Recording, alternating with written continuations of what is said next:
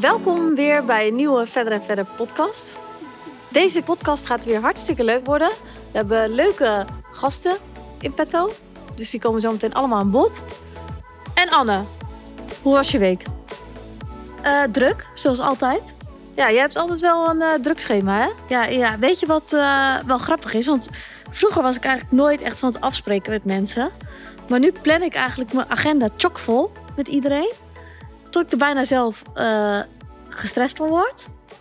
Maar dat vind ik altijd zo grappig, hè? Want dan uh, heb ik dus... Uh, ik later wel een beetje van op om allemaal leuke dingen te doen. Dus als ik een dag vrij ben, dan ga ik eerst sporten met die, koffie doen met die, lunchen met die, avondeten met die. Maar dat vind ik gewoon leuk, hè? Ja. Um, maar goed, het is best wel veel.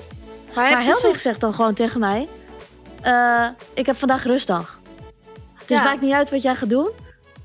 Ik uh, blijf gewoon op de bank liggen. Ik ga gewoon documentaires kijken, weet ik veel wat. Maar ik ben er niet bij. Maar laat je op van met mensen afspreken? Nou, vroeger dus niet, maar nu wel. Ja? Nu wel, ja. Nu vind ik dat echt leuk. Maar ik heb wel dat ik eerst ontbijten deed met die, lunch met die en avondeten met die. En dat ik dat, dat misschien een beetje veel vond. Maar Dus zeg je soms het wel wel, iets minder. wel eens nee tegen dingen, of dat niet? Bijna nooit. Maar dat vind ik eigenlijk dat ik wel iets meer moet doen. Maar, en als je dan twee, twee aanbiedingen krijgt, zeg maar, om wat te doen, vind je het dan lastig om tegen de een nee te zeggen en tegen de ander niet? Ja, mega. Ja? En dan zit ik al allemaal smoesjes voor mezelf te bedenken. En dan probeer ik nog mensen een beetje een soort van aan het lijntje te houden. Van. eh, Misschien ik heb, kom ik wel. Ja, misschien kom ik wel. Maar eigenlijk En is dat helemaal irritant voor mensen, hè? Ja, en dan kom ik dus nooit meer natuurlijk. Ja. En dan vergeet Dus je dat ook nog eens af te Ik zeggen. had gisteren had ik dus ook dat ik eh, uit werd genodigd door iemand. En ehm, door een vriendin. En die zei: eh, Ja, ik ga dan en dan. Ga ik naar een andere vriendin. Heb je zin om even mee te gaan? Toen zei ik: Nou, ik heb eerst nog dit en dit. Eh, ging ik lunchen met eh, vriendinnen. Maar ik probeer daarna aan te sluiten. Toen zei ik aan het eind van de dag: Nou, het is dus niet meer gelukt. Toen zei ze: Nee, dat had ik van tevoren ook wel gedacht. Toen dacht je, shit. Ja, Ja, toen dacht ik eigenlijk moet ik daar gewoon wel van tevoren gewoon meer duidelijk in zijn. Want Ja. nu probeer ik iedereen een beetje tevreden te houden, maar uiteindelijk hou je niemand tevreden. Ja, en ik denk dat het gewoon voor mensen ook fijner is dat je ze eerder beter kan verrassen dat je er wel bent, terwijl je nee hebt gezegd, dan andersom. Ja. Snap je? Maar hoe doe jij dat dan? Ja, ik, vroeger was ik daar ook wel, wel, vond ik moeilijk, maar de laatste tijd ben ik daar wel veel makkelijker in.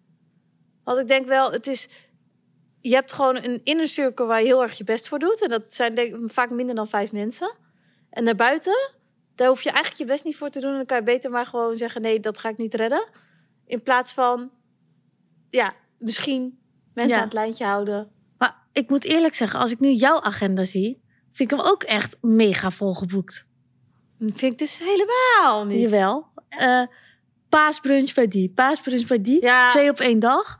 Maar ik moet ook zeggen dat ik alles in mijn agenda zet. Dus dat ik ook de misschiens zet ik in mijn agenda. Maar dat deed je dus nooit, hè? Nee, dat deed ik dus nooit. Maar nu zet ik er wel de misschiens erin. Want anders vergeet ik die gewoon compleet. Maar soms zit ik ook naar jouw agenda te kijken en denk, poeh, jij bent echt druk. Ja, maar niet alles gaat door. Dus niet alles ga ik heen. Maar ik zet het altijd voor de zekerheid in. Ik moet ook wel zeggen dat ik... Eerst deed ik niks in een agenda. Maar vergat ik ook de helft. Maar goed, daar krijg je dan veel klachten over.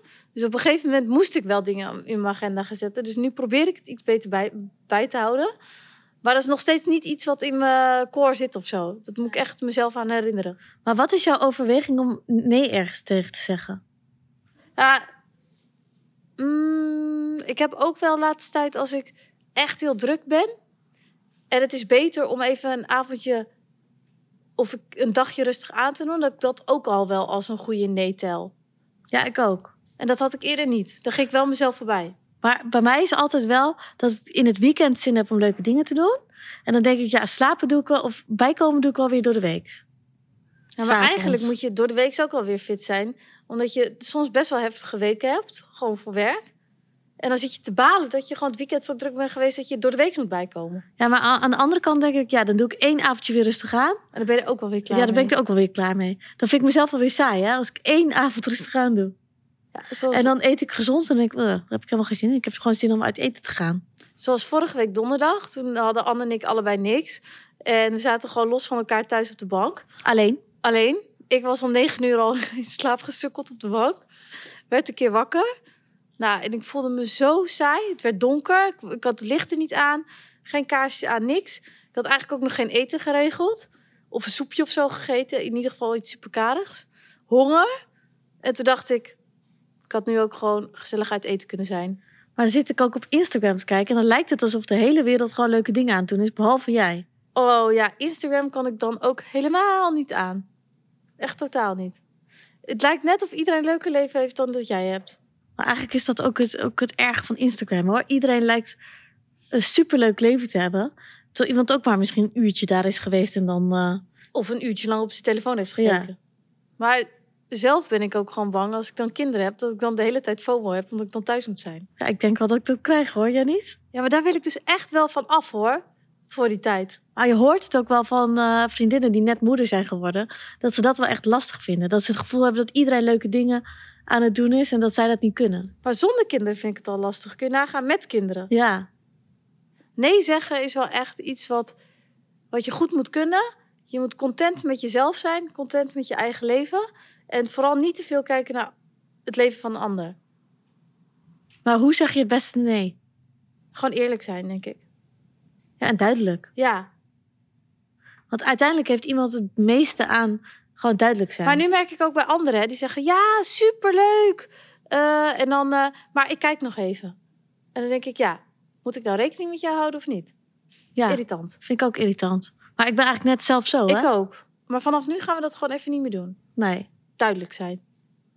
Toch? ja. Maar als iemand anders soms duidelijk is tegen mij... Ja. dan denk ik ook wel weer van... heb ik iets verkeerd gedaan? Ja, maar het ligt Als- toch... Als iemand echt super bot antwoordt, weet Ja, je maar als je gewoon leuke wat smileys en eh, wat uitroeptekentjes zo, zo achteraan gooit, dan het gewoon aardig zegt. Maar heb jij wel eens als iemand echt een, gewoon een kort af... Ja, maar je hebt gewoon zulke appers. Ja, maar dan denk je, oh shit, heb ik wat verkeerd Is gedaan het niet of zo? leuk of zo? Ja, Ja. Maar je hebt gewoon mensen die waarvan je heel duidelijk weet, oké, die hebben gewoon prioriteiten.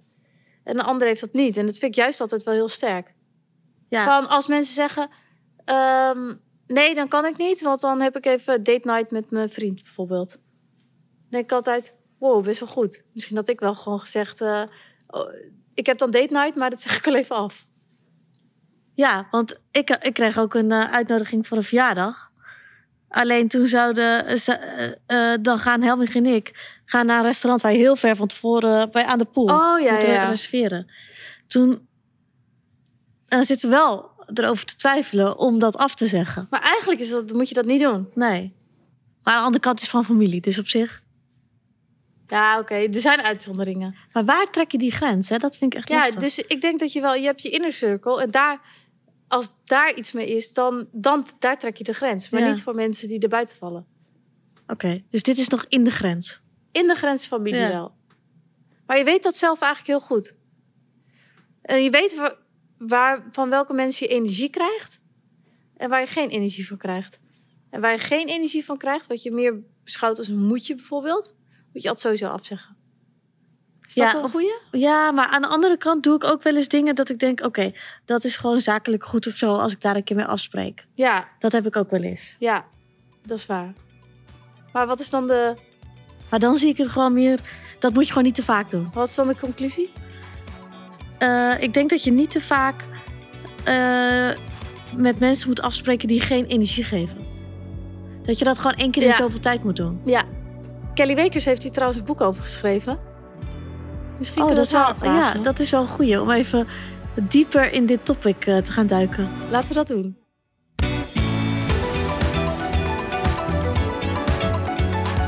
Dus deze keer Kelly Wekers. Ja, leuk dat je er bent. Superleuk. Misschien kan je kort even iets over jezelf vertellen. Eh, ja, tuurlijk. Ja, ik ben dus Kelly Wekers en ik ben eh business coach en ik ben eh, schrijfster. Ik heb Ja. een aantal boeken geschreven en mijn, ja, wat ik echt van dag tot dag doe, dus een beetje mijn side business zeg maar, is ondernemerscoachen. En ik help vrouwelijke ondernemers, vooral dienstverleners, groeien en klantenfocus en vrijheid. Dus ik help ze helemaal met het echt gaan ondernemen. Zij hebben al een vakgebied, een expertise en ik zorg dat het ook echt, eh, ja, dat ze het gaan verzilveren zeg maar. Want dat is natuurlijk altijd de uitdaging als je gaat ondernemen. Hoe maak je er nu echt Ja. een booming business van? Wat leuk. En jij hebt eigenlijk best wel een bijzonder carrièrepad natuurlijk gehad. Ja, best wel op want, zich. want je bent niet begonnen als eh, psycholoog, toch? Eh, nou ja, ja, op zich wel. Ik ben afgestudeerd als psycholoog. En toen heb ik kort als psycholoog gewerkt. Maar ik ben best wel snel mijn eigen ding gaan doen, ja. Ondernemersbloed, als je dat in je hebt, dan eh, kan je denk ik ook niet heel lang, Nee. heel keurig in loondienst werken. En dan echt als psycholoog in zo'n grote praktijk. Dus ik heb dat puur even gedaan om werkmeters te maken en te kijken van hoe gaat dat dan. Maar ik werd eigenlijk al meteen best wel ook getriggerd. ehm, niet zozeer door al die psychologische problemen, echt de diagnoses, maar vooral eh, de ondernemers die veel met stress kampen en dat burn-out-achtige. En dan dacht ik, hoe zit dat dan met balans? Dus toen ging ik al best wel die kant uit. En van daaruit heb ik eigenlijk mijn eigen bedrijf opgezet. Wat leuk. Ja. Ja. En tussendoor ben je ook nog eh, mis geweest? Ja, ja, dat had ik eigenlijk al eh, toen ik mijn bachelor psychologie af had. Toen had ik altijd een bijbaantje als model. Ja, Ja. ik, niet dat ik dat zo boeiend vond eigenlijk. Maar ja, ik werd vaker gescout. En ik dacht altijd, oké, dit verdient echt beter dan een krantenwijk. Dus laat ik dat proberen. Dus ik heb vanaf mijn vijftiende of zo deed ik showtjes hier en daar en shoots. En op een gegeven moment had ik mijn bachelor af in de psychologie. En toen zeiden al die modellenbureaus waar ik dan zat, eh, ook internationaal, ja, als jij dit gewoon echt een keer een kans wil geven, dan moet je gewoon fulltime gaan. Ja, Ja. ik moest nu elke keer zeggen, nee, dan heb ik tentamenweek, Ja. dan kan ik niet. Dus toen dacht ik, oké, ik wil niet straks denken, had ik het maar geprobeerd. Ik Ja. ga het één jaar fulltime doen. En eigenlijk toen heb ik me ook opgegeven voor Miss Nederland, want dat kwam toevallig voorbij in de krant. Zo Ja. van, oh, dat wordt een, eh, stond er ook weer een Miss Randstad-verkiezing. Ja. Want Oh, er ja. gaf niemand zich op uit eh, Limburg en Brabant bijna Oh, omdat ze dachten dat die te nuchter waren. En toen dacht ik, oh ja, misschien... Toen was ik ook al commercieel. Nou, misschien zorg ik dat wel voor meer klussen. Ik geef me gewoon op. Ik had Ja. letterlijk geen idee wat dat inhield. Ja. Nou ja, en toen was ik dus eh, anderhalve maand later in Nederland. En hoe oud was Dus- je toen? Eh 21. Nou, en zo toen studeerde je al? Of dat Eh, ja, toen had ik dus mijn bachelor af. En toen had ik zoiets van, oké, nu ben ik ook Miss Nederland. En ik heb dat modellenwerk. Als ik dat een beetje combineer, laat ik dan nu één jaar fulltime doen. Ja. voordat ik aan mijn master begin. Als het dan gewoon een ramp wordt, dan ga ik gewoon mijn master Ja. in psychologie halen en gewoon werken. Carrière maken, zeg maar. En wie weet, gaat het heel goed, vind ik het superleuk. Nou, dan kan ik het nog wat langer doen. Maar goed, dat is dus uiteindelijk een uitstapje van een jaar geweest met heel veel ervaringen en eh, leuke dingen, maar ook echt de realiteit van modellenwerk doen is echt Ja, wel hoe even vond iets je dat? Ja. Ja, dat is gewoon keihard. Het Ja. is gewoon echt een harde wereld. En eh, als jij niet Duitse kroes bent en dus in die topregionen zit, Mhm. Hè? Kijk, want dan word je door de grootste klanten ingevlogen naar de duurste hotels. En dan eh, kan het nog heel alleen zijn, want je zit alleen op zo'n bounty-eiland. Maar het is super deluxe en helemaal relaxed. Als jij met duizenden mensen, meisjes, in de rij staat in Milaan voor een casting. Ja. Voor een of ander spijkerbroekenmerk. Ja, dan denk je op een gegeven moment echt, als je 88 castings hebt gehad. Wat ben ik aan het doen? Ja. Want je bent wel de hele dag aan het lijnen. De hele dag met de centimeter om je benen. eh, weet je, al sporten. eh, geen alcohol. Gewoon helemaal. Want ja, je moet natuurlijk zo zijn. Ja. ja. Dit is echt nog, zeg maar, toen curvy nog absoluut niet kon. Ja, Ja, toen was, was je Nee. heel dun in de mode. Mega dun. Mega dun. Ik, ik woog toen misschien 10 kilo minder dan nu. En dan zeiden ze echt, als ik binnenkwam, what size are you? Echt? Ja? Ja, echt. Maar dan moet je ook sterk in je schoenen eh, staan als Ja. meisje zijnde. Ja, en ik, kwam, ik heb- ben best wel iemand die van huis uit eh, veel zelfvertrouwen had meegekregen. Ik was best wel zelfverzekerd. Maar dan merk je dus, als je dus een jaar in zo'n wereld zit... en je hebt de hele tijd van die stemmen dat mensen zeggen... eh, je bent niet goed genoeg, hè? je bent niet mooi genoeg, je bent niet leuk genoeg. Ja, dan ga je vanzelf die stemmen geloven, weet je wel. Want je hebt gewoon totaal geen reality check meer van de normale wereld. Dit is gewoon zo'n selectief Ja. plekje waar je in rondloopt en waar mensen je beoordelen. Dus ehm, uiteindelijk is het een hele mooie voedingsbodem geweest voor al mijn boeken om te Ja, schrijven ja. over zelfvertrouwen en hoe dat werkt. Want ik heb dat toen gewoon heel goed kunnen voelen. Hoe je gewoon van ja, gewoon helemaal comfortabel met jezelf naar gewoon een dieptepunt kan gaan. En dat dat dus zo erg ligt naar welke stem je luistert. Maar vind je het gek ook- dat die, men- die meiden ook eh, eetproblemen en zo creëren? Nee, ik vind dat dus eigenlijk niet gek. Want Nee. ik denk dan als jij gewoon al iets minder stabiel bent of al iets onzekerder vanuit jezelf, nou ja, dan word je daar gewoon voor de leeuw gegooid. En ik snap dan dat je denkt, ja, shit, als ik nu nog even wat minder eet, dan pak ik misschien die klus voor Chanel. En dan is het de big break en dan heb ik vervolgens al die andere klanten. Dus elke dag is het de kans om het te worden. Echt Ja. een struggle lijkt me Ja. dat. Ja, en echt als mensen elke dag tegen je vertellen dat je te dik bent. Want zo wordt dat gezegd. Hè? Niet zo van, misschien moet je een beetje... Ja, het is gewoon, je bent gewoon te dik. Je past gewoon niet in deze broek. Hou eens even op met eten. Oh, het echt. Oh. Zo gaat dat gewoon. Ja, Het- was wel echt pittig. Ik heb daar echt wel meiden... Ook, eh, daar zit je van die modellenappartementen en zo. Dat ik dacht van, oh wat erg, weet je. En dan, ik zat dan nog in de luxe positie. Ik had een studieachtergrond. Ik kom gewoon uit Nederland. Alles was oké. Ik hoefde niet mijn familie te onderhouden of zo met de klussen die ik daar deed. Dus ik had gewoon de keuze Ja. om dit te doen, te proberen en anders gewoon te stoppen. En eh, ja, iets met, eh, met mijn studie te gaan Ja. doen. Maar die meiden, die komen ja. misschien uit super eh, arme gebieden in het Oostblok. Die hebben gewoon geen keuze. Nou, ik echt, mijn hart is daar echt wel regelmatig gebroken hoor, voor van die Oh, meiden. heel heftig lijkt me. Maar en toen Ja. kwam je terug? Ja, en toen was ik er dus ook helemaal klaar mee. Toen heb ik de weegschaal eh, uit het raam gepleurd, zo ongeveer. Wat Nooit goed. meer een centimeter vast gehad. Eh, t- ik gewoon gedacht van, ik ga nu lekker mijn studie doen. En ook met het gevoel van, ik heb het nu ook echt een kans gegeven. Ja, Ja. Eh, het was niet eens dat het totaal geen succes was qua werk. Ik had best wel werk, maar het, ik bedoel, ik zat ook niet in de top of zo. Maar het past gewoon helemaal niet bij de mij. levensstijl Nee. was misschien Het draaide het gewoon de hele dag om, om het uiterlijk. En het was gewoon voor mij net even eh, te oppervlakkig. En dan zo hard, weet je wel. En dan dacht ik, ja, en ik ben gewoon een beetje een huismus. En ik hou van met familie zijn en met vrienden. En die mis je allemaal. Ja. En ik dacht, ja, wat ben ik aan het doen, joh? Ja, daar moet je wel voor voor, ja, voor gemaakt zijn. Ja, Daar moet je ben je nu ook zeker, zeker over jezelf? Voel je je nu zekerder? Ja, omdat dan? ik vooral heel erg, omdat ik gewoon weet waar ik die zekerheid vandaan moet halen. En dat dat vooral is dat je dat jezelf moet geven. En je moet Maar- naar jezelf luisteren. Wat vind ik van mezelf? In plaats van wat vinden anderen van mij? Want het is echt gewoon bullshit. Ja, Want Ja. dat vind ik wel even een mooi haakje. Want wat vind jij dan nu van bijvoorbeeld als je een keer op social media negatieve reacties krijgt? Is dat dan nu ook makkelijker van je af te schudden omdat je dat Ja. al een keer hebt meegemaakt? Of Ja. hoe ga je daarmee om? ja, je wordt wel gehard door de strijd, zeg maar. Ja. Dus het is niet dat als jij negatieve reacties van wie dan ook krijgt, dat je hoeft te zeggen, oh, het doet me niets. Nee, het is altijd leuker als je een leuke reactie van iemand krijgt. Of dat iemand je een compliment op iets geeft. Maar ik heb wel geleerd dat ik denk, oké, er is eigenlijk een best klein cirkeltje van mensen waar ik het me echt van aantrek. Als die Mhm. iets vinden van hoe ik dingen aanpak. Of, hè, of het nu met uiterlijk of innerlijk te maken heeft. En de rest, ja, ja, weet je, je, ze zeggen toch ook altijd: je moet geen advies, eh, hè, geen kritiek aannemen van mensen waar je ook niet naartoe zou gaan voor advies. Ja, als dan eh Mien uit Assen zegt: eh, Ik vind dit of dit dom, dan denk ik ja, ik weet niet hoe jij je leven Ja, leeft, maar precies, het ja. boeit me niet, want Ja. ja. ik hoef daar niets mee. nee, ja. Maar goed, toen ben je weer gaan studeren. En Ja.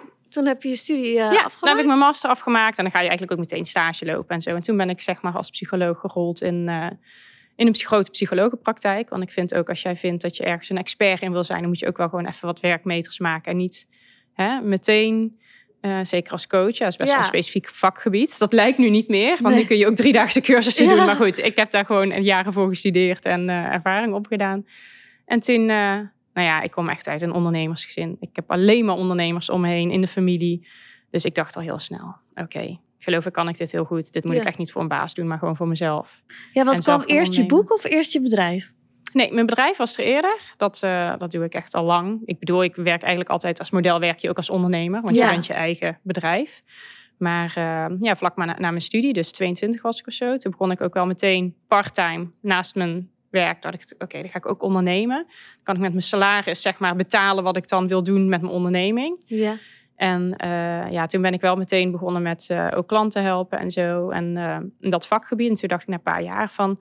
Geloof ik moet ik hier gewoon een boek over schrijven. Over alles wat mij zo heeft geholpen uit de psychologie. Om lekker in mijn vel te zitten. En afscheid te nemen van bepaalde mensen. En minder te stressen. En meer in het moment te zijn. En toen ben ik eigenlijk mijn boek gaan schrijven. Maar toen was ik dus wel een paar jaar bezig.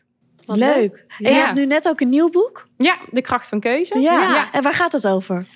Ja, dat gaat eigenlijk dus over letterlijk de kracht van keuze. Dat je misschien niet altijd kan beslissen wat er op je pad komt, maar wel hoe je ermee omgaat. En ik denk, eh, als ik terugkijk op mijn leven, is dat wel een beetje de rode draad altijd geweest. Van, ehm, ja, als je echt de regie pakt, en geloof ik, hè, doen jullie dat niet Ja. anders? Dat Ja. je gewoon hebt bedenkt, bedenkt van, wat wil ik in het leven? En wie wil ik zijn? En wat wil ik bereiken? Ja, als je daar maar voor gaat, dan ehm, wordt je leven best wel leuk.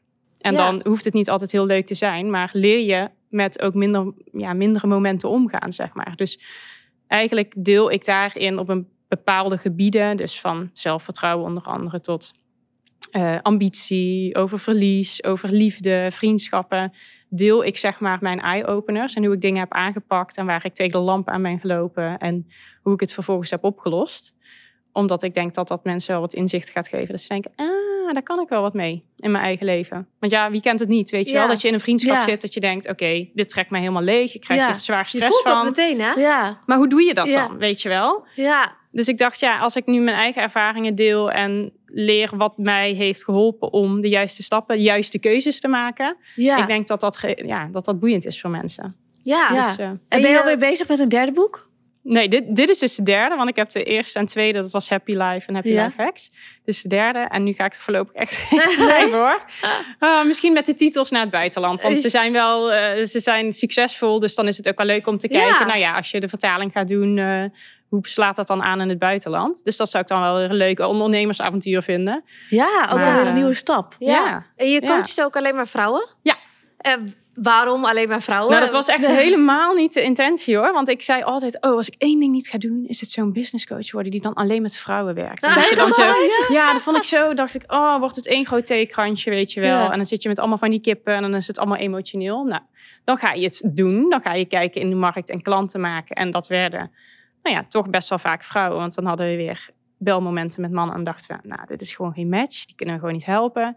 En ik heb echt mijn mening bijgesteld dat ik denk van vrouwen, als ze ondernemen en ze, ze zijn bevlogen en ambitieus, dan zijn ze gewoon, gaan ze zoveel harder dan mannen. Vaak. Oh, Want ze is dat zijn echt gewoon. zo?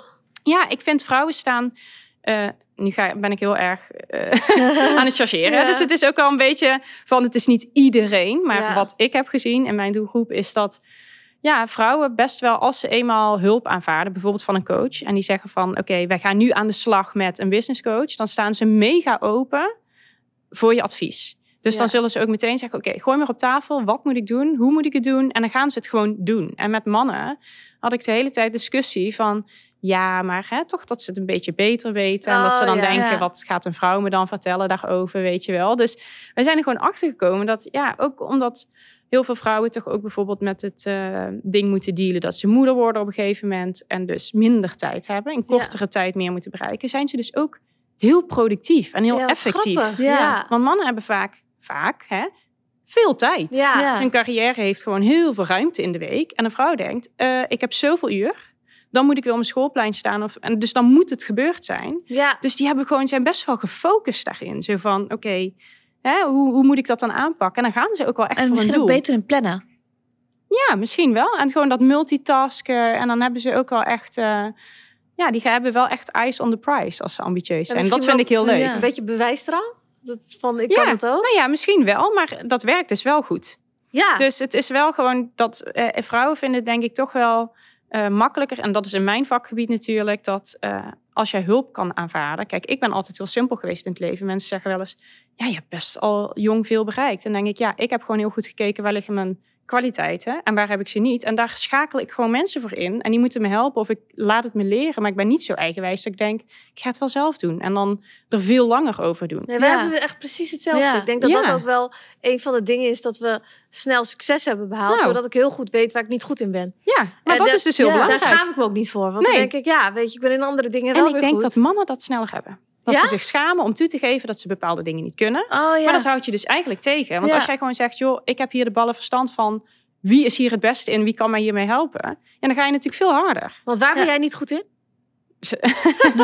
Alle huisvrouwtaken, nou ja, niet goed is veel gezegd, maar ik heb er gewoon een hekel aan. Dus Ja. eh, nee, ja, ik ben bijvoorbeeld ook geen, als ik kijk naar eh, het bedrijf wat jullie hebben, ik ben ook geen eh, people's manager of zo. Ik ben Nee. niet iemand Nee. die denkt, oh jee, allemaal Ja. personeel op kantoor, dan kan ik nu sociaal gaan doen. Ik denk alleen maar, oh, hopelijk houdt iedereen zijn mond en kan ik gewoon werken. En gewoon lekker autistisch achter mijn laptop zitten, want ik wil gewoon door, weet Ja. je wel. Dat ge, gechit-chat en dat teambuilding, nou, Ja. nee, dat is echt Want niet van mij. Want doe je je bedrijf alleen? Of, eh, Ja, samen met Monique doe ik het. Ja? Dus ik heb wel een zakenpartner. Zo eigenlijk zo hoe Ja, jullie het is doen. heel leuk. Ja, ja, heel leuk. Ja, echt een lekker pittig type. En ook echt al nou ja, 100 jaar eh, werkervaring. En we doen het samen, maar dat, daar houdt het eigenlijk ook op. Want we hebben echt er wel voor gekozen. We hebben beide in het verleden in onze bedrijven met personeel gewerkt. En dat vonden we vreselijk. Dus we hebben wel echt besloten van we willen heel lean en mean werken. Ja. Dus eh, geen personeel. Af en toe een freelancer of een ZZP'er die we dan even inzetten op een bepaald project. Dat we denken dat hebben we nodig. Maar verder gewoon niet. Ja. en wat is jullie taakverdeling? Ehm, ik ben denk ik wel meer naar de voorgrond. Dus ik doe toch wel heel veel van de PR via mijn social media kanalen. Dus dat ik het heel erg aanjaag met stories en met posts. En heel erg brandbuilding doe, zeg Ja. maar. En Monique is heel goed in die achterkant van contracten, het overleg met eh, partijen. Eh, maar als je kijkt in de coaching zelf, is het echt 50-50. Dus als mensen bij ons komen, dan doen we dat samen. We zitten eigenlijk ook altijd samen in de sparring. Samen doen we de vraagstukken begeleiden. Dus daarin zijn we heel gelijk. Maar in het bedrijf, zeg maar, wat er ge- geregeld moet worden, ja, dan is zij wel echt meer van de minuscule, alle contracten en details en alles bijhouden. En ik ben daar meer ontploft. Oh, daar zou ik ook echt heel niet goed- zijn. Nee, zij is ook bijvoorbeeld van de cijfers helemaal. Ja. Ja, vind ik heel lekker. Want Ja. ja, ik moet echt overal Ik een ook. rekenmachine. Want Ja, ik ja. moet één en één ongeveer nog Ja. Ja, zeg, ik heb soort dat van gaan hoor. optellen. Ja, dus jullie zijn echt tegenpolen eigenlijk. Ja, en dan vul je elkaar dus wel aan. Maar we hebben wel heel erg, en ik ben wel benieuwd hoe jullie dat hebben. We hebben wel heel erg hetzelfde DNA. Dus wel dezelfde werkethiek en eh, net Maar zo dat is wel echt makkelijk en belangrijk. door. Ja. En beslissingen maken. We hebben ook nooit discussies. Nooit als er iets fout. En is het oké, nou ja, Ja. boeien en door, weet Ja. je wel. Ja, dat hebben wij ook wel hoor. Ja, En op het begin was het zo dat wij allebei verantwoordelijk waren voor dezelfde dingen, zeg maar. Ja. Dus allebei eigenlijk voor alles verantwoordelijk. Ja. En dan merkte je dat, dat wij heel erg strubbelingen kregen met elkaar. Omdat ik zei, ja, dat zou jij toch doen? Nee, dat zou jij toch doen? Oh, ja, Ja. dat dat Ja. niet duidelijk was. ja. En op een gegeven moment zijn we een keer samen gaan zitten. En toen zijn we een taakverdeling gaan maken. Van oké, jij bent verantwoordelijk voor deze gebieden en jij voor deze. En sindsdien gaat dat echt... We hebben eigenlijk nooit meer discussie Nee. daarover gehad. Ja, maar dat is heel het- lekker. gewoon heb je duidelijk eigen is. eilandje Ja. of zo. Je Ja. doet je ding. Eh, weet je, de ander mag alles over zeggen. Maar uiteindelijk ben jij verantwoordelijk voor Ja. wat daar eigenlijk gebeurt. En de beslissingen die gemaakt worden. Ja. En dat werkt eigenlijk Ja. heel goed bij ons. ja, maar ik denk dat dat lekker is. Want wij hebben bijvoorbeeld ook, Monique en ik, nooit dat we elkaar dan gaan controleren of zo. Dus het is Nee, gewoon, nee. het is jouw taak. Ja, En ik hoor het wel als ik ergens over mee moet denken of zo. Maar ik denk vertrouwt ook niet. misschien elkaar Ja, wel. dat je gewoon elkaar kan vertrouwen van. ehm, en dat is natuurlijk ook dat je dezelfde werkethiek hebt. Dat je weet, als jij zegt ik ga dat doen, dan ga je Ja. het ook doen. ja. Snap je? Hoef je Maar niet te denken, hoef je zou ze het dan hebben te- ja. gedaan volgende week, weet je wel. Dat is heel relaxed. ja. Ja. En je hebt ook twee kinderen. Ja, Hoe Ja. eh, deel je je week in? Van hoe gaat dat? Want je hebt natuurlijk een eigen bedrijf, twee Ja. kinderen, een man thuis zitten. Hoe doe je dat allemaal? Ja, alle ballen hoog houden. Nou ja, sowieso moet je dan dus kiezen welke ballen dat zijn. Want ik vind het altijd een beetje bullshit dat je alle ballen hoog kan houden. Kijk, sommige dingen gaan gewoon versloffen als jij carrière wil maken. Dat zullen jullie nu al merken, ook als je geen kinderen hebt. Ja, ik bedoel, als je gas wil geven, dan leiden andere dingen daar Ja. wel Ja. eens Ik heb onder. ook echt niet zo heel veel vrienden om, omdat ik Nee. gewoon, eh, gewoon Nou ja, ondernemen. Dat Ja. bijvoorbeeld. Ja. Dus ja, ik maak gewoon keuzes. Van je wil voor bepaalde dingen gaan. Mijn gezin is super belangrijk. Ik heb gewoon een kleine inner circle waar je dan tijd voor hebt. Ja, en je carrière is gewoon belangrijk. Dus ehm, daar, ja, daar maak je gewoon keuzes in. En het is niet dat er geen andere leuke mensen zijn. Maar daar maak je gewoon minder tijd voor. Ja. Maar ik ben dus wel heel erg van de planning. Ik dacht het vanmorgen nog, hè, zo maandagochtend, dat ik dacht, ja, ik, mijn week is ook gewoon heel voorspelbaar. Maar ik vind dat heel lekker nu. Want als je echt kleine kinderen hebt, ja, dat spontane, dat is gewoon bijna niet meer te doen. Want Nee. dan maak je jezelf helemaal gek. Ja. Dus ik vind het wel gewoon heel lekker dat ik weet, oké, dan en dan ga ik sporten. Het staat standaard in mijn agenda. Ik weet, hè, eh, maandag en woensdag zit ik de hele dag op kantoor. eh, want dan weet ik, dan is de oppas er. Dus dan kan ik gewoon vooruit. En dan, ik heb gewoon alles wel. Planning is voor mij wel Want hoeveel werk voor alle jij? ondernemers ook wel het sleutelwoord. Ja. Ja, dat vind ik wel echt belangrijk. Want hoeveel werk jij nu? Ehm, vier dagen, denk ik. Ook nog echt veel. Ja. Ja, maar dat is omdat ik het wel heel leuk vind. Kijk, ik heb echt voor drie dagen vast oppas. Dus dan werk ik echt. Maar ik merk dat, dat was ook een beetje het idee. Zo na mijn tweede van, dan ga ik maar drie dagen werken. Maar ik vind het gewoon heel leuk. En je ziet toch dat er dan vaak dingen bij komen kijken die misschien niet hoeven te gebeuren. Maar ik ben nu wel eenmaal, het zit gewoon in mij, dat ik op vrijdagavond serieus vaak nog liever in plaats van een serie ga kijken, gewoon de laptop openklap en denk als ik nu even nog dit en dit en dit klaarzet, dan weet ik, daar komt gewoon zoveel omzet uit. Ja. Dat is Ja. gewoon leuk. Als je dat trucje eenmaal, ja. ja, als je Ja. dat trucje toch eenmaal kent, dan vind je dat gewoon leuk om te doen. Ja. Ja. en het is ook zonde om kansen te laten liggen die je wel ziet, zeg maar. Ja, ik denk wat wel, wat wel gewoon zo is, doordat ik gewoon het allemaal heel goed plan en dat ja, ook de ondernemers natuurlijk leer, is dat ik heb nooit het gevoel dat iets moet. Zo van, als ik nu dit niet doe, dan is het niet af en dan loopt het in de shit. Ja. Dus het is wel dat je het doet omdat je het leuk vindt en dat je als extra dat je denkt, nou ja, ik kan nu lekker even gaan laptoppen, omdat ik er zin in heb. ja. Maar als ik hem dicht wil klappen, is dat ook oké. En ik denk dat, dat, dat veel ondernemers dat misschien niet ervaren. Dat ze denken, oh, het gaat altijd door. En als ik dit nu niet doe, dan loopt alles in het honderd. Ja, dat is natuurlijk niet de bedoeling. Nee, Nee. precies. En nu ben ik ook wel benieuwd. Heb jij een paar tips voor ondernemers die net willen beginnen of die net bezig zijn met wat zij kunnen doen eh, om het nog succesvoller te maken? Ja, ik vind gewoon altijd het belangrijkste dat je gewoon iets gaat doen. Dat hoeft helemaal niet vernieuwend te zijn, maar waar mensen echt op zitten te wachten. Al, of jij nu een product maakt wat er al duizend keer is, of een dienst aanbiedt wat er al is, als het maar gewoon goed is en het een probleem oplost van mensen. Dus dat Ja. ze, hè, ik zeg altijd, mensen willen oftewel een pijn oplossen, of ze hebben een bepaald verlangen. Dus als je daar goed op inspeelt met een bedrijf, dan heb je een goed lopend bedrijf, Ja. want dan willen mensen bij je kopen. Dus ik denk altijd wat, wat startende ondernemers vooral niet moeten doen, is meteen heel erg gaan denken aan hoe is het naar buiten toe, de mooiste website, de leukste visitekaartjes, de hipste werkplek van West Wing en weet ik veel wat. Hè, het gaat vooral eerst om wat bied je Ja, mensen. ja, Jullie basis staat. Je hebt gewoon een goed product. Daar begint het allemaal bij. En dat je dat vervolgens allemaal opschmuk gaat geven. En dat je gaat zeggen, nou dit zijn wij en zo zien we eruit en zo pakken we het aan.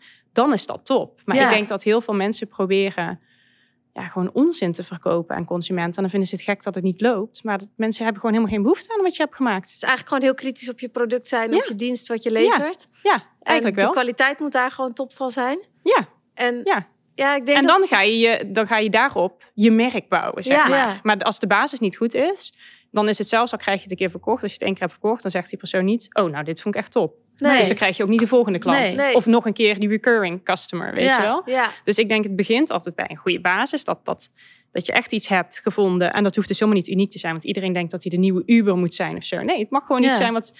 Oh, ik bedoel, jullie zijn niet de eerste die met sieraden beginnen. Maar als je dat gewoon goed aanpakt... kan je daar super succesvol in Ja, worden. want iedereen zei ook tegen ons: waarom zou je überhaupt in sieraden beginnen? Ja. Iedereen doet dat al. Ja. Ja, Maar wij zeggen ook altijd tegen elkaar: eh, release early en release often. ja. Dus ja. want heel veel mensen wachten tot het juiste moment daar is. Maar eigenlijk is het juiste moment er Nooit. nooit. En gaandeweg kom je ook heel veel achter dat er dingen veranderd moeten worden. Eh, dat je en Ja. met feedback van iedereen kun je ook weer het, ja. veel. En Dat heel veel het. mensen die willen het perfect, bijvoorbeeld een website, helemaal perfect hebben. Maar je dat hebt die moment dat het perfect is, gaat er niet komen. Ja. Want wij zijn nog steeds bezig met onze website perfect te maken, omdat die nog steeds niet perfect is. Ja. Ja. en dat hebben wij dus ook heel erg. Dus wij zijn de hele tijd ongoing. Onze slogan is 80 is prachtig. Dus een 80% versie van iets, dan gaan we ermee eh, de hoort op, zeg maar. En ik denk gewoon dat heel veel startende ondernemers, die hebben dan helemaal iets bedacht in hun hoofd waar mensen dan behoefte aan zouden hebben. En dan hebben ze dat al helemaal gemaakt en zwaar geïnvesteerd in producten of in juist hè, dan helemaal een online programma te maken, noem maar wat. Maar ze hebben gewoon nooit gecheckt met de markt of er wel behoefte Nee, aan is. Ja. Je kan veel beter eerst een paar armbandjes verkopen en kijken, heeft Ja, iemand er überhaupt trek in? Ja. Dan dat je al even voorraden aan laat liggen van weet ik veel hoeveel. En dan erachter komt van, oh, dit vindt eigenlijk helemaal niemand mooi. ja. En denk je En dat, dat- iemand die snel keuzes kan maken ook succesvoller kan zijn? Ja, duizend procent. Ik denk dat een ondernemerssnelheid echt het belangrijkste is. Iedereen die succesvol is geworden, die zijn dat niet geworden omdat ze het zo perfect deden, maar omdat ze gewoon heel snel keuzes maakten en elke keer dachten, oké, oh deze weg niet, dan pakken we die. Ja, Het ging gewoon heel erg snel, tak, tak, tak. Dus de hele tijd, ja, wat jij eigenlijk zegt, het is gewoon eh, learning by doing. ja want wij hadden hier doen. ook uh, Natasja Harleken, dat is dan een, eh, Ja. Een eh, eh, advocate. Ja, Nou, en ik hoorde ook aan haar dat zij zei, ja, sommige moeders op het schoolplein zijn dus heel lang bezig, bijvoorbeeld met een vakantie aan het plannen. oh ja. En Ja. zij zegt, ik heb binnen vijf minuten gekozen, oké, we gaan daarheen, we gaan Ja. dan en dan. En dat gaan we doen. Snelheid is alles. Ja. En ik denk dat dat eigenlijk zo belangrijk is. Maakt niet uit wat voor baan je hebt. Maar als je gewoon snel kan nadenken en niet te lang nadenkt over één ding. En gewoon die keuze, die knoop doorhakt. Ja, en dan zie je ook, En ook knoop wat werkt en wat ook niet meer werkt. achterom kijken. Ja. Want heel veel mensen gaan dan ook nog eens 100 uur analyseren wat is geweest. En dan denk ik, ja, Dan kan je eh, toch we zijn al door. toch? En dan denk ik, ja, gewoon gaan. Maar dat is denk ik misschien ook wel in ondernemerschap... waarom dat eigenlijk elke ondernemer druk is... maar maar heel weinig productief. Dus Ja. heel Ja. veel ondernemers werken heel veel uren... maar wie doet nu echt iets nuttigs in die uren? Het zijn er maar weinig eigenlijk. Maar dat is als je alleen al met dit soort dingen... als je zo lang alles bedenkt en overdenkt en weer terugkijkt... en dan ook nog zijn ze helemaal zelf onzeker en dan weten ze het niet... Ja, dan kost alles veel tijd. Ja. Maar goed, daardoor is er voor mij een markt. Ja. Hè? Ja, Daardoor ja, kan ik business coach zijn. ja. Want Want ja, als het allemaal zo makkelijk was. Want hoe gaat zo'n traject te werk? Iemand kan daar, of tenminste iemand, een Ja. vrouw, kan Ja. komen. Ja. Alleen vrouwen. Ja. Nou ja, we zeggen nog steeds, hè, ik zeg nog steeds ondernemers, maar effectief zijn het echt alleen maar vrouwen. Ja. Ehm, maar dat ligt eigenlijk heel erg waar iemand staat. Dus wij helpen ondernemers die eh, soms al heel wat meters hebben gemaakt en ook wel flinke omzet hebben. Maar de grootste moot van onze ondernemers zijn eigenlijk gewoon ja, ZZP-vrouwen die een expertise hebben. En die komen dan bij ons in het traject. En wat Zoals wij, wat voor expertise? Bijvoorbeeld eh, in de marketing, HR, recruiters, Oh, ja. eh, psychologen, coaches. Dus die echt een vakgebied hebben en hun kennis zeg maar verkopen aan mensen. Dus we hebben totaal geen productondernemers. Dus niet zoals jullie, jullie verkopen echt het product Ja. natuurlijk. Maar alleen maar mensen die een dienst aanbieden. En wat we dan met hen doen, als we hebben altijd ook met iedereen kijken we of eerst met een gesprek of ze geschikt zijn. Want we willen ook kijken, ja, wat wil je dan echt? Hè? Wat wil je bereiken en kunnen we daarmee helpen? Als mensen dus bij ons in een traject gaan, dan is het eigenlijk afhankelijk van waar ze bij passen. Maar dat is vaak wel een traject wat enkele maanden duurt. Want eh, wij sparren ook wekelijks met die ondernemers. Ja. Moet niet. Ze krijgen een heel stappenplan en eh, heel iets wat ze kunnen volgen met van een social media strategie tot je prijsbepaling. Gewoon alles wat bij ondernemen hoort. Mhm. Mindset ook, hè? want je wil natuurlijk vol zelfvertrouwen zijn Ja. als ondernemer.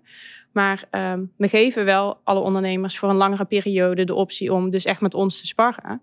Want je loopt de hele tijd tegen dingen aan. Ja, zeker. Dus het is, ja, het is altijd heel makkelijk om te zeggen: doe even dit, dit en dit, en dan gaat het lopen. Maar Ja. de uitdaging is: ja, maar er komt net deze klant en die vraagt me dit. ja, allemaal van die Of- ja. kleine vraagjes Ja, natuurlijk. ja. Waar je gewoon... Al die vraagstukken. En daar helpen we wel echt mee, want dat vinden we wel heel belangrijk. En daar moet je ook gewoon iemand hebben die gewoon meekijkt, zeg maar. Die gewoon, eh, zeker omdat deze dames gewoon allemaal echt wel wat kunnen. Ja, Dus die, eh, ja, die willen ook lekker omzetten draaien. Ja, die komen niet uit de lucht vallen. Dan moet Nee. je natuurlijk wel En hoe lang echt duurt even strategisch. Eh, minstens dus een half jaar. Oh, Ja. Ja. dat is best lang. Ja, maar dat is dus hoe. Dit is vooral. Je hebt een half jaar de optie om met ons in te bellen. Maar Ja. we hebben dus ook vrouwen. Ja, want die schakelen lekker snel. Die krijgen dat stappenplan. Die denken, oké, ja, dat is, spreekt voor zich. Die gaan Ja. het gewoon implementeren. Die komen nog drie keer even vragen van... hoe doe ik dit en hoe ik dat, doe ik dat? En dan melden ze einde jaar... nou, de omzet is verdubbeld. Ja. Omdat ze het gewoon toepassen, snap je? Dus maar we willen wel die optie altijd geven. Wat leuk. Ja. Lijkt me En- zo leuk om te horen dat iemand zo'n traject heeft gevolgd. Ja, mega. En dat, dat je dan hoort dat, het, eh, dat de omzet is verdubbeld. Maar ik denk dat dat misschien ook wel verslavend is aan dat hele coachingsvak. Dus ik snap ook wel dat ze als paddenstoelen uit de grond schieten. Is dat het heel leuk is als iemand iets bereikt en dan soort van zegt: ja, dankzij jou, Ja. of dankzij die tips, of dankzij. En dat is gewoon, ja, dat, dat horen wij natuurlijk heel vaak. Dat el- nogmaals, elke ondernemer kan hard werken, maar hoe ga je nou slim werken? Want Ja. soms zijn het maar zulke kleine dingen. Als je die aanpast in je bedrijf, dan kan je zoveel makkelijker je omzet behalen of eh werk-privé-balans krijgen. Iedereen zit daar zo mee te kloten Ja. bijna. Weet je, wel, hoe doe ik dat nou? Terwijl als iemand je even wat puntjes geeft en even met je kijkt van, oh, hoe, wat is nu precies je businessmodel? Hoe zit dat?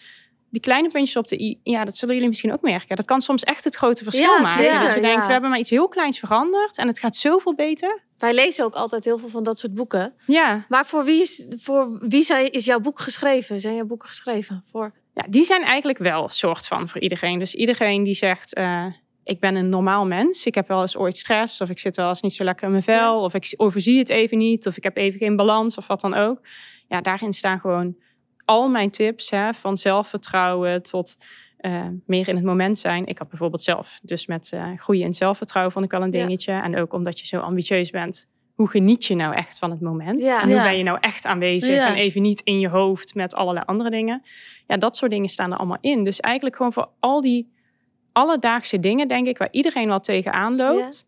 Van moeilijkheden in vriendschappen hè, tot eh, met familie, eh, struggles. Maar Ja, daar hoe- krijg je denk ik ook wel heel veel reacties op. Ja, heel veel. Omdat het voor iedereen herkenbaar is. Ja. En ik denk dat het ook wel de kracht van jou is, omdat eh, meestal bij psycholoog heb je een beetje een stoffig idee, weet je wel. Ja. En dan gaat iemand vertellen, ja, als een eh, vriendin dit en dat zegt, dan moet je dat en dat zo doen. En Ja. dan denk je, ja, ja, eh, weet je wel, want wij zouden geen vriendinnen zijn. Dus hoe weet jij nou hoe ik, Precies. de- weet je wel, hoe het gaat eigenlijk nu tussen precies. vriendinnen. En dat je ook wel weet van, nou, je hebt heel veel sociale dingen, eh, Ja. uitdagingen daarmee. Hoe eh, verdeel je je tijd? Ja. Hoe zeg je nee tegen dingen? Nou Dat dat, soort nee dingen. zeggen, dat vinden we ook allemaal super lastig. En dat is wel wat je zegt. Ja, als je inderdaad dan bij een wat stoffiger type zit, die misschien eh 55 is, dan denk je, hmm, Ja. weet ik niet. Maar ik snap dat, weet je. Want ik heb dat zelf ook. Je zit gewoon in zo'n druk leven en je moet zoveel van jezelf. En, eh, en je moet sporten en je moet een grote sociale kring hebben. En je moet pieken in je Ja. carrière. En je moet vooral ook heel zen zijn en niet gestrest, maar Nou, toch. En je moet weten wie je bent. En ja, ik ook. en iedereen denkt, hoe doe ik dit? Ja. Weet je wel? Dus dat, dat is eigenlijk waar het boek over gaat. Hoe kan je je leven voor jou zo leuk mogelijk maken? En zeker ook voor jou. Want voor de een, noem maar wat, ik ben introverte van karakter. Dus een hele drukke sociale agenda. maak je mij niet blij mee. Ik doe liever af en toe gewoon even een goede uitspatting Ja, en dan weer heel rust. extravert Ja. lijkt, hè? Ja, maar Ja. dat is dus... Dat is het grappige met introverte mensen. denken altijd, ja, die zijn sociaal gestoord. Ja. Nee, wij kunnen wel sociaal zijn, maar gewoon in een goed gesprek met mensen. Ja. Maar zet je mij op een feest socializen, en dan denk ik echt, laat me met rust. Ja. Ja. je zet me dan liever één keer goed, waar we het toen straks over hadden bij Ushuaia op Ibiza. Ja. Ga ik één avond helemaal los en dan denk ik weer, joe, ik heb het weer gezien. En- Maar dat soort dingen van jezelf weten, of jij introvert of extravert bent, dan maak je ook dat je je weekagenda je zo indeelt dat je er ook blij van wordt. Ja. Ja. als jij introvert bent en je hebt vijf eetafspraken met vrienden in de week, dan denk jij s'avonds echt, ik ben helemaal kapot. Ja. Ja. want daar krijg je geen energie van. Maar als je een sociaal dier bent en je hebt dat dus niet genoeg in je agenda zitten, dan denk je, eh, ik vind het leven Ja. niks aan, ik ben alleen maar aan het werk. Ja. Want zeg jij vaak nee? Ja, Ja? heel vaak, ja. Heb je Ja. daar wel eens moeite mee? Nee, totaal niet. Maar dat heeft wel eh, ook geduurd. Daar staan ook die lessen in mijn boek. Want ik was altijd juist heel erg bezig. Wat vinden andere mensen? Wat Ja. vinden andere mensen van mij? Dus als jij nee zegt, dan heb je meteen het idee... iemand zal je wel arrogant vinden of onaardig Ja. of weet ik veel wat. Eh, terwijl mensen het eigenlijk best wel relaxed vinden... als jij een duidelijke nee of ja geeft. Ja. Want dan weten ze tenminste wat ze aan je hebben. Ja. En dat moest ik zeg maar voor mezelf nog even leren. En ik wist ook niet zo goed waar ik precies nee op wilde zeggen. Omdat ik mezelf niet zo heel goed kende. Dus ik wist niet, wat wil ik nu Ja. En dan En dan eigenlijk? twijfel, hè? Dan twijfel je en denk Ja. je ja. En ook in je werk is dat ook vaak zo van, ja, wat is dan een kans en wat is een, ja, eh, Ja, juist een ja. moeilijkheid een beetje verpakt als een kans. Dus nu dat ik dat gewoon goed weet, zakelijk en privé wat ik wil, en dan weet je ook heel goed waar je nee op gaat zeggen. Nou, ik ga hem zo. Ik heb hem nog niet gelezen, dus ik ga hem sowieso Ja, ja. lezen. Nou, jullie Maar- moeten wel op vakantie en dan Ja, krijgen jullie boeken. Ik stuur ze op. Ja, want leuk. ik eh, twijfel echt elke dag. Moet ik ergens heen gaan of Nou, moet ik ik, vind niet? jou daar juist alweer heel goed in. Ja? Ja. Wat dan? Oh ja, vind ik altijd juist wel. Ja, wij zitten wel heel vaak te twijfelen. Zullen we dat doen? Zullen we dat niet doen? Ja. En soms heb ik ook wel zoiets van... Je zou me straffen als ik nu naar een eventje zou moeten of zo, weet je wel? Snap je? Maar daar krijg je dus ook altijd zoveel uitnodigingen van. ja, en dan ja. denk ik, ja, ik zeg daar dus bijna altijd nee op. eerste instantie denk je, ja, ga ik doen. Ja, En dan is de dag aangebroken, denk je, oh, ja. ik ben Ja. gewoon liever thuis. Nou ja, en je moet je dus afvragen. Hè? Kijk, eh, eh, ben jij puur influencer? Dan kan het heel interessant zijn. Het is Ja. maar net wat je vakgebied is. Hè? Of een acteur of weet ik veel. Maar op een gegeven moment denk je ook... ja, ik ben juist iemand anders event aan het inladen. Want Ja. ik vind het heerlijk als ik daar sta ja. met al mijn Ja. following. Maar wat heb ik hier aan? Ik bedoel, eh, het- ik koop hier niks voor. Ik vind dit helemaal niks. Dus waarom moet ik hier staan? Dus Ja. Als je eenmaal weet wat je te bieden hebt... dan ga je ook alleen maar in op dingen waarvan je denkt... ja, dit en ben ik ik, denk- waard. Ja, zeg maar. vrouwen is het niet alleen dat eventje. Het is ook dat je die wil dat je er even leuk uitziet. Dus je bent Ja. van tevoren ben je al bezig met wat moet ik aandoen. Daarna ben je weer... Weet je, dus het is, het is niet alleen even een half uurtje gedag zeg maar, dat eventje. Dat is het, het is ook dat je van tevoren er al even Ja. mee bezig bent. Dat is En ik altijd denk dat ook maakt dat het- spontane koffieafspraakje. Ja. Weet je wel, van mensen zeggen, zullen we even koffie, even kijken of we iets voor elkaar kunnen betekenen. Oh, het is nooit een half uur koffie Nee, drinken. nee. Het is altijd het gezeur ergens weer naartoe rijden, terug. Wat gaan we dan bespreken? Want ik denk altijd, als iemand echt iets te bieden heeft, dan gaat hij bijna nooit zoeken naar, zullen we eens kijken of we kunnen maar wat verbinden? zeg jij dan als iemand dat zegt? Eh, ik zeg altijd van, eh, nou ja, ik vind het heel erg belangrijk dat, we, dat ik jouw tijd niet verdoe. Eh, dus waar wil je het eigenlijk over hebben? Want dan Ja. kan ik nu bekijken ja, of we ook iets voor en dan komen ze wel vaak met dingen. Ja, dan is het vaak al iets vaags. Oh, ja. En dan denk, zeg ja, je, zeg ik ja, ik heb, de, ik heb altijd, en dat is ook echt zo, ja, ik heb gewoon mijn focuspunten gemaakt voor dit jaar en waar ik me op richt. En ik heb helaas geen tijd mijn agenda hiervoor. kijk, Ja. dit zijn al hele Ja. goede tips. Hè? Ik denk Kijk, dat, en we dat zijn dus van die basistipjes die wij meegeven in de coaching, waarvan je denkt, hè, dat is eigenlijk niet zo moeilijk, maar je denkt er vaak zelf niet Ja. aan.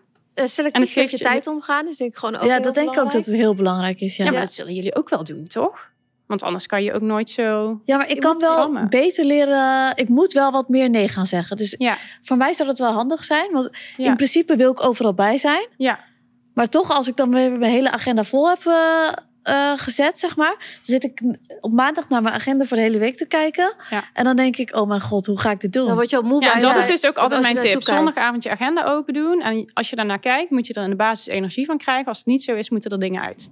Ja. En dat vind ik dus moeilijk, om dingen Ja. uit te gooien. Ja, Dan denk ik, waarop ga ik, eh, ja, wat, wat ga ik dan uitgooien? ja. Nou, eigenlijk moet je heel bewust zijn met wat je energie geeft en wat je Ja. energie Ja. kost. Want Ja. als het- daar en dan, moet je gewoon op op die selecteren. basis. Ja. En nogmaals, kijk, je kan niet, dat is natuurlijk ook zo'n coachingsillusie. Oh, we moeten alleen maar de hele dag dingen doen waar onze passie ligt en wat we leuk vinden. Ja, nee, dat kan niet. Nee. Nee. Ik heb ook genoeg taken in mijn week waarvan ik denk, oké, niet per se zin in, maar het hoort erbij. Ja, Alleen het moet wel een balans zijn. Ja. En als jij inderdaad allerlei afspraken s'avonds ziet, dat je denkt, ik moet met die, die, die en die gaan eten en naar dat event.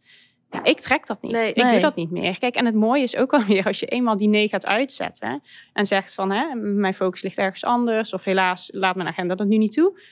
Mensen weten dat ook. Dus kijk, je wordt in principe wel uitgenodigd, maar ze, ze verontschuldigen al bijna aan, bij voorhand. Zo ja, van, ja. ja, ik snap wel dat je het heel erg druk hebt, maar weet je wel. dus ja, mensen leren ook wel. Ja. En de waarderen ze het weer als je er wel bij bent, hè? ja. Ja, ja. Dan wordt het ook gewaardeerd. Want anders Ja. denken ze, oh, die komt toch wel. Ja, Ja, ja, en ze weten wat je aan je hebt. daarom. Ja, ik vind het echt een Ja. hele leuke... En je kan toch niks moois bouwen als je niet gewoon echt gefocust je tijd besteedt. Hè? Of dat nu alles, ik zeg altijd van... eh, alles werkt als jij ervoor werkt. Dus Ja. of dat nu in je relatie is of in je bedrijf. Dus als jij de hele dag met andere dingen bezig bent, ja, dan wordt het ook net niet.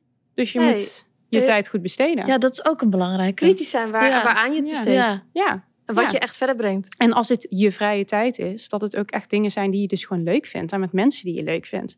Dat is gewoon, denk ik, echt wel een beetje klaar, hoop ik, na coronatijd ook. Ik hoor mensen nu alweer klaar van, oh, al die events, het wordt Ja, zo druk. ja. Ja. Oké, kies dan ook eens een keer Ja. voor de mensen die je, ja, die je tijd echt waard zijn, weet je wel. Gooi de rest eruit, joh. Gewoon nee Ja. zeggen.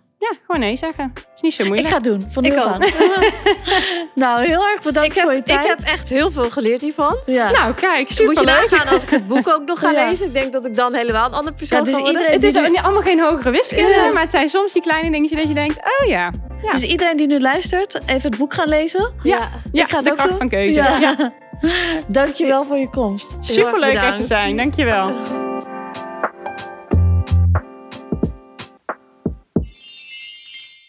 Nou, en nu gaan we weer verder naar de volgende story behind the jewelry. En dat is eh, dit keer met Floor. Welkom. Ja, dankjewel. Je hebt al een hele mooie ketting om, zie ik. Ja, En ik neem aan dat we daarover gaan hebben. ja ik zie namelijk dat je een over. fingerprint coin om hebt in de vorm van een hart. Kan je daar iets meer over vertellen? Eh, ja, eh, toen ik twee jaar geleden 18 werd, wilden mijn ouders wel iets zeg maar speciaals voordat ik 18 werd. En het is best wel moeilijk om iets speciaals te vinden wat eigenlijk niemand heeft. Dus nu heb ik een ketting met vingerafdrukken van mijn ouders. En ja, het is nu eigenlijk een ketting die niemand heeft, maar het is wel nog mooi en zo. En, Wat mooi. ja. En hoe kwam je er zo op om eh, dit te gaan doen? Om dit te, te Ehm, willen? Ja, ik volgde u toen al een tijdje en ik zag al iedere keer zeg maar, op Instagram het voorbij komen. En toen dacht ik, nou, het is wel echt heel leuk, maar ik wist niet echt iets. Ik van, waarvoor zou ik het kunnen doen? En toen zeiden mijn ouders, nou, nu je 18 wordt, zou dat best wel eens leuk kunnen zijn met onze vingerafdruk. Dan zijn we eigenlijk altijd bij je. En, Heel ja, leuk. En is dan de ene kant je vader en de andere kant je moeder? Ja, Leuk. ja. En heb je ze zelf opgenomen met je ouders? Ja, eh, je, als het goed is moet je dan met een, eh, zeg maar, met inkt of zo. Ja, dan met en een dat hebben zij zelf gedaan? Ja, ja. Nou, wat goed.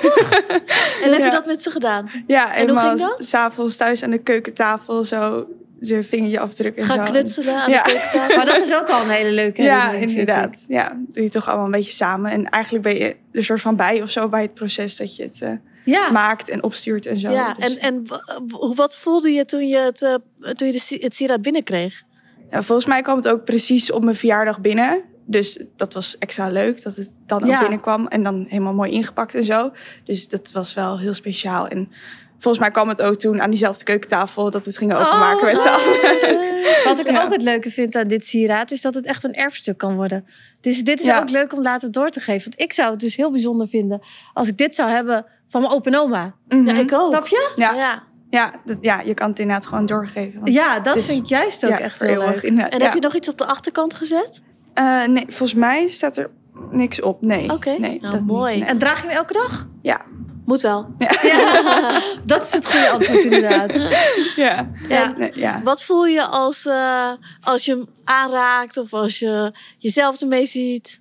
ja, ik vind het wel heel mooi. Maar ook als ik bijvoorbeeld ergens ben op een verjaardag of zo... is het altijd wel van, oh, wat leuk. En waar staat het voor? En het valt wel op en iedereen wil het graag weten...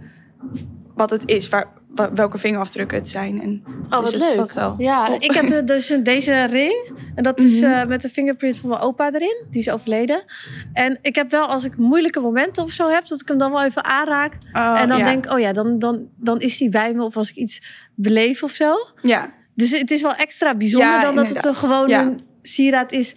waar Nou, gewoon, geen ja. vingerafdrukken Nee. hadden gestaan. waar niet echt een betekenis achter zit. Nee. Ja, Ik heb het wel met tentamens of zo. Of eigenlijk best wel vaak dat ik gewoon even zo zit. En dan, ja, Ja. ze zijn er nog wel, mijn ouders. Maar ze zijn er toch bij ook. Toch wel, ja, inderdaad. leuk. Ja. En heb je nog meer verdere, verder sieraden? ja, ik heb deze ringen eh, met het hartje en uw geboortesteen. Ja, Dus van eh, februari, want ik ben februari jarig. En Ja.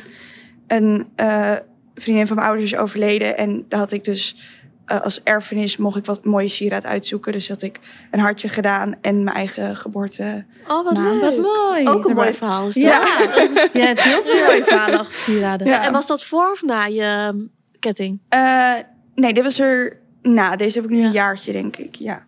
Ook mooi. Ja, Dat is ook een Ja. mooie story behind the jewelry. Ja, hadden we ook kunnen doen. Ja. Nou, sowieso heel bijzonder om te horen. ja, heel erg bedankt voor sowieso dat je erbij wilde zijn vandaag. Ja, natuurlijk. Echt een heel mooi verhaal. ik denk dat het heel veel mensen kan inspireren. Ja, zeker. Ja, Dankjewel. ik zou het ook zeker doen. Dankjewel. Dank je. Nou, dit was hem weer voor vandaag, de podcast. Heb je er wat van geleerd? Ja, ik vond het wel goed dat Kelly zei dat je gewoon echt duidelijk moet zijn eh, met je tijd. En of je tijd voor dingen hebt of niet. En dat je anders gewoon nee moet zeggen.